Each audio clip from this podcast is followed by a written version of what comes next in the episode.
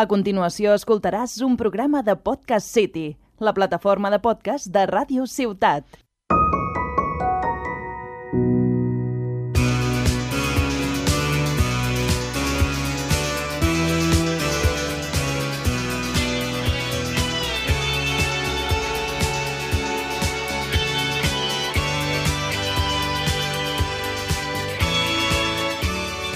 Benvinguts a un nou episodi del podcast Parlem del Nàstic. Avui parlarem del partit contra el Villarreal B i farem la prèvia pel pròxim partit davant la Unió Esportiva Costa Brava.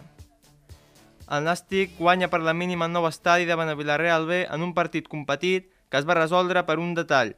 El pròxim serà amb els, amb els nostres amics de la Unió Esportiva Costa Brava, amb ironia, com es pot demostrar, un equip que està en descens però ven amb la motivació alta després de guanyar l'últim partit. Pel que fa al partit davant el Villarreal, va ser una victòria per 1 a 0, 3 punts, tots contents, feliços, amb gol de Pablo, Fernández, amb gol de Pablo Fernández, que per fi va marcar. A Cornellà ja va fer un bon partit, passa que no va marcar. Aquí va fer un bon partit i va marcar, així que que segueixi així la dinàmica de fer bons partits, perquè així millor pel, pel Nàstic. I l'assistència de capità Joan Oriol, de córner, que també té una cama bastant esquerra, bastant espectacular el capità Joan Oriol. Va ser un partit bastant complet, competit, en què es va acabar imposant per una rematada de cap de Pablo Fernández a un córner del davant Esturià, victòria davant el líder, el líder creu que ho era en aquell moment, però ara ja ha canviat, ja va estar la de Balompié, que va començar malament, però ara ja, com s'esperava, pot es... havia d'estar dalt i està dalt. I abans del partit, Urgul Grana va preparar un tifó per commemorar els seus 10 anys amb el lema que ficava l'orgull, 10 anys d'orgull i bogeria grana. Per, per, des d'aquí felicitats a Orgull Grana i que segueixin animant com ho estan fent. Van... La part dolenta, que Quintanilla va estar expulsat. Doble terceta groga i no podrà estar al pròxim partit que, i és un... I... Va fer un molt bon partit tret d'aquestes dues tercetes grogues que es podien una mica estalviar. Però amb les altres aportacions que va fer en defensives van estar molt bé i ningú atacant del Villarreal, Arana, que era un dels millors futbolistes de la Lliga, no va saber no va saber infiltrar-se a l'àrea perquè Aitami i Quintanilla van fer un tàndem molt bon aquell partit. I un Aitami Artiles que per fi fa un gran partit i no va fotre ningú pilotada cap a dalt allí a la, a, a, a veure qui la busca i va fer una mica de coherència en el partit. Per tant, des d'aquí, un partit bastant complet de tots els jugadors. El Barran, que és un jugador que jo sempre l'he criticat, va fer un bon partit. Robert Simón no va ser el seu millor partit, però també el va fer. Pablo Fernández va marcar. Un partit bastant complet i que es va veure que Manu García no va tindre que fer ninguna parada de mèrit, tot i que en una jugada que va fer el filial Groguet que va ser la més clara del, part, de, del partit per ells. Va ser un tir al pal del davanter senegalès Jackson, que el porter es va quedar una mica parat, perquè era un xut amb, que no se l'esperava ningú, amb Rosque des de la frontal, que sort que van al pal, perquè arriba entre dintre i és un golaç, que allí estaríem tots, un altre empat o, o derrota. Però finalment la sort de Santa Tecla, o com li, vulguin, o com li podem dir, van al pal i se'n van a fora. Agné va salvar el seu ultimàtum, podem dir, perquè arriba a perdre o empatar i la directiva jo crec que ja estava a fora, per tant va salvar el seu primer ultimàtum. I el resum, victòria, 3 punts, després de 7 partits que portàvem sense guanyar. Aquests 7 partits comptant la Copa del Rei, que vam caure eliminats a la tanda de penaltis. Bueno, eliminats amb el Linares, eh? Vull dir, tampoc... La primera part va... a la Copa del Rei va ser bona, però a la segona es vam desinflar d'una manera i ens vam tancar allí, a l'autobús, i que no ens marquin. Al final, això a la, a la pròrroga igual, i els penaltis, a la sort, va fallar Ribelles i Aitami, i al carrer, com podem dir. Eh, el, el pròxim partit, que és el contra la Unió Esportiva Costa Brava, ex Llagostera, serà dissabte 18 de desembre, finalment a les 4, que abans estava previst per un altre horari, serà a les 4, el municipal de Palamós, almenys no serà en aquell patatal que teníem al camp de Lla... al municipi de Llagostera i serà un camp de gespa natural i davant d'un equip històric a Catalunya. i bueno, s'han tingut, tingut que traslladar a Palamós perquè a Llagostera una no es podia jugar en el seu camp, dimensions massa petites, gespa artificial i, un, una il·luminació bastant escarosa i de merda, podem dir. I dos, per, in, per viure, perquè a Llagostera no podien viure de ninguna maneres. En canvi, Palamós, com és la capital de la Costa Brava, li diuen, han d'anar allí, eh, perquè si no, no ara només segur que ara no estiguessin en aquesta categoria si no s'arriben a moure i han tingut que vendre un part de la part, part de, l'equip a una empresa perquè si no, no podia la presidenta, no podia. Venen de guanyar, com he dit abans, a un estadi al Collau, davant l'Alcoyano, el, per la mínima, 0-1, al minut 90 amb un godarro de falta, per tant vindran motivadets, allò de dir... Vindran allí, a més motivadets, a guanyar, serà contra el Nàstic, vindran allí una mica que relaxin, que som el Nàstic. No han guanyat fora a casa, però que relaxin. Estan en descens, penúltims, perquè van guanyar si no anaven a últims, i ara l'últim està el fill del Betis, que també fa un joc una mica bastant patètic i, i no, no molt vistós, però tampoc, tampoc criticarem perquè el Nàstic a fora a casa tampoc el fa molt bé. Allà, allà, dic Llagostera perquè se'm sona més fàcil, eh? De Costa Brava un llagostera que juga un joc poc vistós, tot i que és normal. A Muriel Algina jugar, jugar un joc tan poc vistós és normal, vull dir, tampoc trobaràs allí el Dream Team per jugar. Pot ser un ultimàtum de Raúl Agné.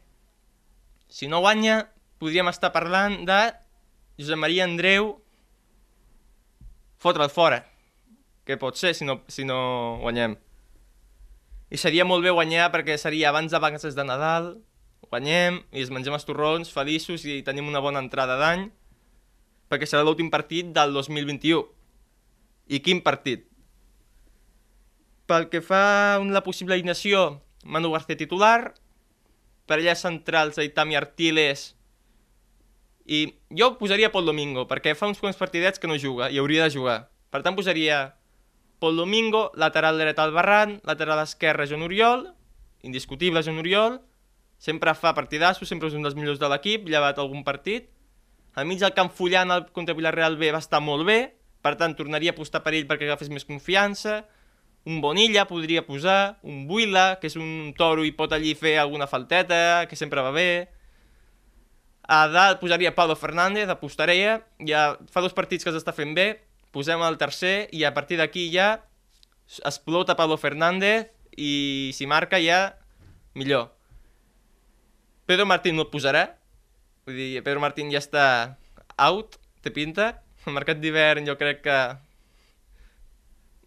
ja, vull dir, mm, sap greu per ell, però és que aquí el Nàstic no ha acabat de demostrar i no ha acabat de jugar com, com li agrada tothom, per tant, el millor jo crec que seria vendre'l. Frank Carbia sempre el posa titular, jo defenc que Frank Carbia m'agrada? Sí. Titular? No.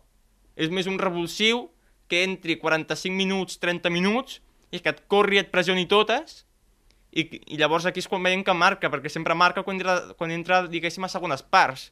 Quan entra a primeres li costa molt més marcar. La porra, 1 a 3. Guanyem, primer partit fora a casa, i 2021 l'acabem guanyant. I jo només vull una cosa.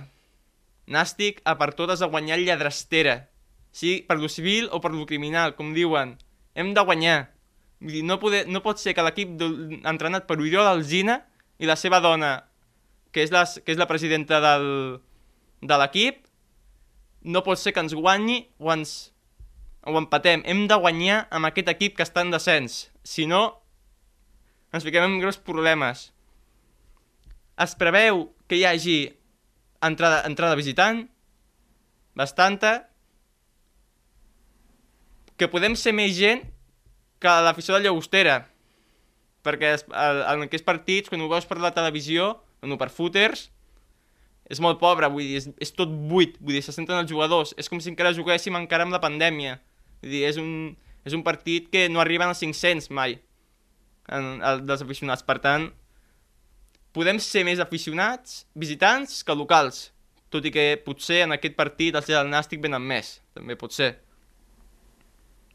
I ara pel que fa al mercat de fitxatges, Lupu, el romanès, té pinta que s'anirà del club, no té fitxa, tot apunta que s'ha dit i sona molt el Rayo Majada Onda, que està a l'altre grup, el grup 1, però clar, el Rayo Majada Onda és una situació similar al Nàstic, més o menys va millor a, a... o sigui, va bastant bé. Seria una mica per tercer, quart delanter, vull dir, com, com, com fa aquí que aquí no té ni fitxa, però i l'altre que em fa molta pena és Pol, Pol Ballesteros un jugador que va jugar contra San Fernando els seus primers minuts sí que San Fernando van perdre 2-0 merescudament però és que va ser l'únic que quan va entrar va intentar fer algun regat, algun tir, alguna jugada del partit. Si no el fiques, no pot demostrar.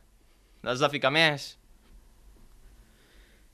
I sona molt també el Josep Calavera, germà del Jordi Calavera, que són de Cabra del Camp, que està, ara està al Depor, un altre aquí, per tant, podem dir que el seu germà va, va fer molt bé, però va tindre... Com va, va marxar del club una mica bastant malament però tampoc estarem aquí per parlar de temes passats de fa 3 o 4 anys. Ens centrem en el, en el present, que estem com estem. I el Nàstic femení va tornar a guanyar. Aquestes són com el Barça femení del Barça, guanyen tot ja. Vull dir, estan ja... Estan, estan a tope de power, vull dir, estan molt bé. Per tant, des d'aquí, que segueixin, que segueixin i que pugin, que senguin i gràcies per escoltar-nos aquí al podcast Parlem del Nàstic.